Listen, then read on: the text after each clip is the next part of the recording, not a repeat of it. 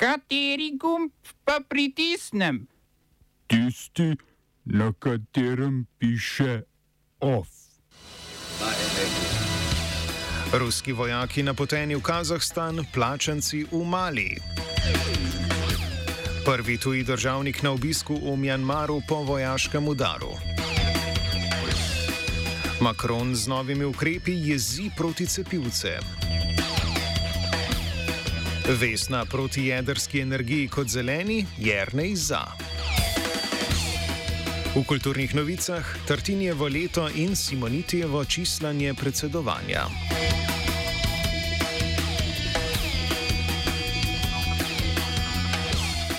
Jo!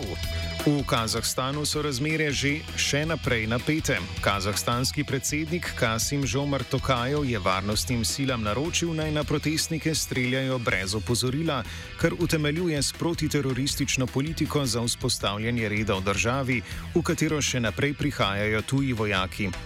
Po ruskih padalcih naj bi v Kazahstan po neuradnih podatkih prišlo še 2500 pripadnikov organizacije pogodbe o kolektivni varnosti. To je varnostno zavezništvo pod vodstvom Rusije, ki ga poleg Kazahstana sestavljajo še Armenija, Belorusija, Kirgizija in Tadžikistan.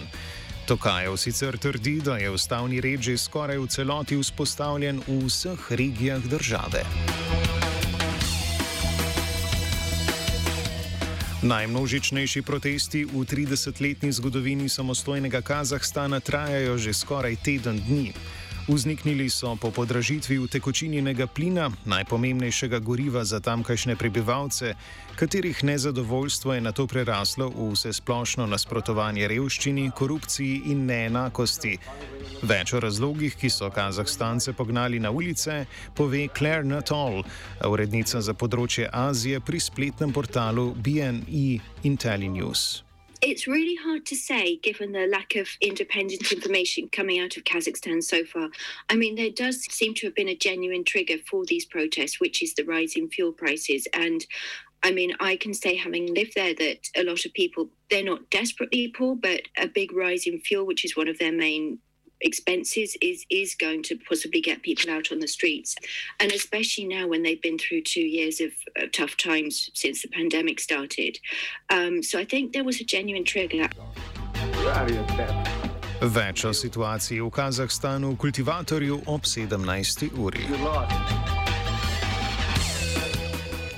Rusija pa svojih vojakov ne pošilja le v Kazahstan. Malijska vojska je potrdila, da je Rusija v vojaško bazo v severnem mestu Timbuktu, odkudar so se pred mesecem dni umaknili francoski vojaki, napotila svoje pripadnike, ki bodo tam upravljali naloge urjenja lokalnih enot.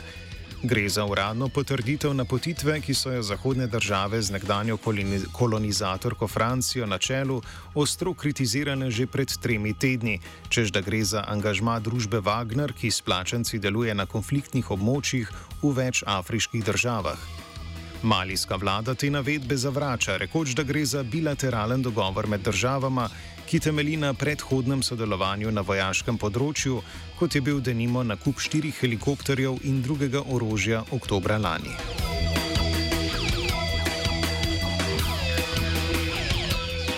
Vse od leta 2012, ko so uporniški tuaregi izvedli državni udar, severni Mali zaznamujejo spremenljive varnostne razmere. Določenih severnih predelov malijska vojska še danes ne obvladuje, saj so brez vladja izkoristile islamistične milice. Spopadi so se razširili tudi čez meje sosednjih držav, denimo Burkina Faso in Nigra, in tako zamajali stabilnost celotne zahodnoafriške regije. Nedavni umik francoske vojske iz Timbuktuja, ki so ga njeni pripadniki leta 2013 pomagali zauzeti po spopadih z borci Al-Kaide, se je sicer zgodil zaradi dveh dejavnikov. To sta načrtovano krčenje vojaške prisotnosti v Zahodnem Sahelu in politična nestabilnost po dveh državnih udarih v zadnjih dveh letih.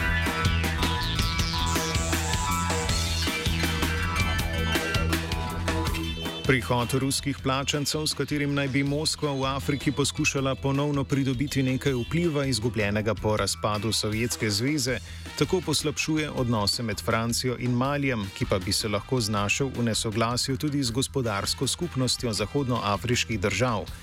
Njen medijator, nekdanji nigerijski predsednik Goodluck Jonathan, vojaško vlado polkovnika Asimija Gojte poziva, naj parlamentarne in predsedniške volitve v skladu z dano zavezo izvede naslednji mesec. Gojtova vlada je gospodarski skupnosti namreč podala predlog naj volitve zamakne za najmanj šest mesecev in največ pet let. Organizacija se bo o predlogu, ta bo more biti vključeval tudi sankcije, dokončno opredelila v nedeljo v ganski prestolnici Akra.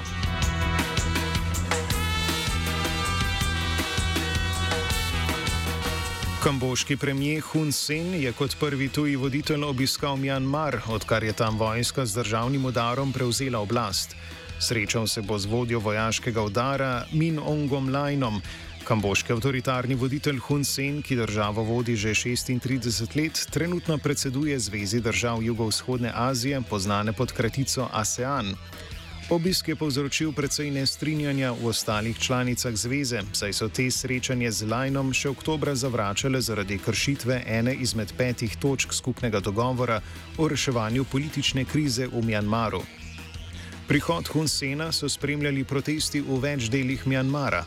Protestniki so prepričani, da obisk tujih voditeljev le legitimira trenutni nedemokratični režim. Od vojaškega udara februarja lani sta se povečala število in intenziteta etničnih konfliktov. Zaradi vojaških letalskih napadov ob meji s Tajsko je Mjanmar zapustilo več tisoč ljudi.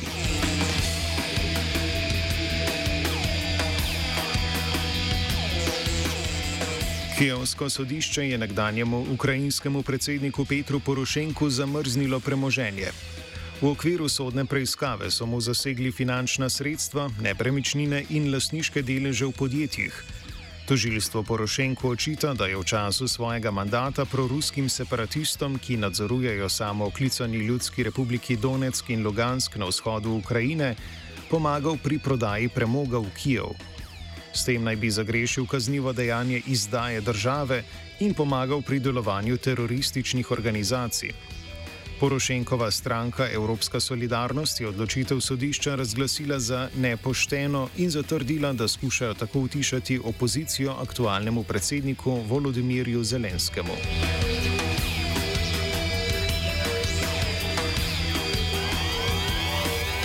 Humanitarna organizacija Zdravniki brez meja se je odločila za umik z belorusko-polske meje.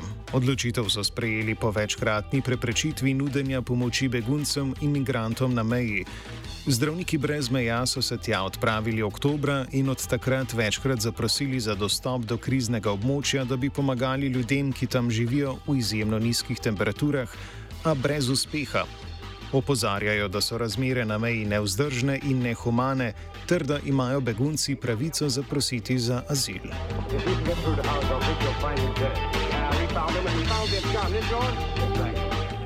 Francoski državni zbor je včeraj s prepričljivo večino potrdil nove ukrepe za spodbujanje cepljenja, ki jih je predlagal predsednik Emmanuel Macron. Za zakonski predlog je glasovalo 214 poslancev, 93 pa jih je bilo proti. Z novimi ukrepi vlada zaostruje predvsem pogoje za dostop do javnih ustanov, ki ga omejuje nacepljeno prebivalstvo. Izjema ostajajo zdravstvene storitve in otroci do 12. leta starosti. Če bo predlog naslednji teden potrdil še senat kot zgornji dom francoskega parlamenta, bo v veljavo predvidoma stopil sredi januarja. Ob sprejemanju predloga je javnost nekoliko razburila Makronova izjava, da želi z njim razjeziti, v dobesednem prevodu, razpizditi necepljene. Čeprav ga od volitev, na katerih se bo potegoval za drugi mandat, loči le nekaj mesecev, tako Makron zaostruje razmere na fronti zoper proti cepilce. Oba, če, če bom odgovoril na angliški. Slovenija will try to help. We can Slovenija will and we will do our utmost to say that the situation is our problem ourselves. and uh, We will make further steps as soon as the conditions are. bomo vlado Marjana Cererja, Mira, Marjana Cererja Šarca podprli. uh, very, very serious. we know how and we will. V novi zeleni stranki Vesna, katere kongres bo potekal 5. februarja, nasprotujejo vključitvi jedrske energije in zemeljskega plina v tako imenovano evropsko taksonomijo oziroma klasifikacijo trajnostnih dejavnosti, kar je predlagala Evropska komisija.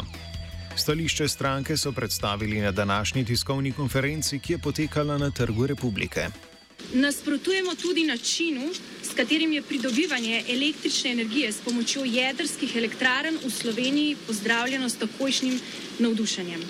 Kar naenkrat, brez vsake javne razprave, želimo pridobivanje energije z izgorevanjem plina in jedrsko reakcijo opredeliti kot trajnostno, zeleno rešitev za prihodnje zagotavljanje električne energije.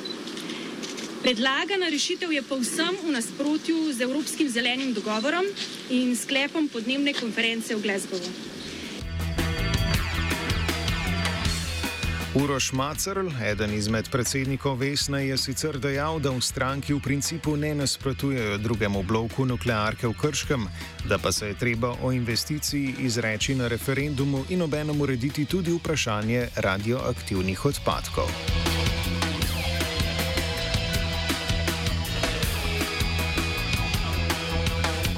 Medtem je Jrnej, to je infrastrukturni minister Vrtovec, na svoji tiskovni konferenci ob predstavitvi dosežkov predsedovanja Slovenije svetu Evropske unije podprl vključitev jedrske energije in zemeljskega plina v omenjeno evropsko taksonomijo. Dejal je, da je treba, če želita Slovenija in Evropska unija doseči preboj pri zelenem prehodu ob hkratni krepitvi energetske neodvisnosti, poleg spodbujanja rabe obnovljivih virov energije, odpreti pot tudi jedrski energiji.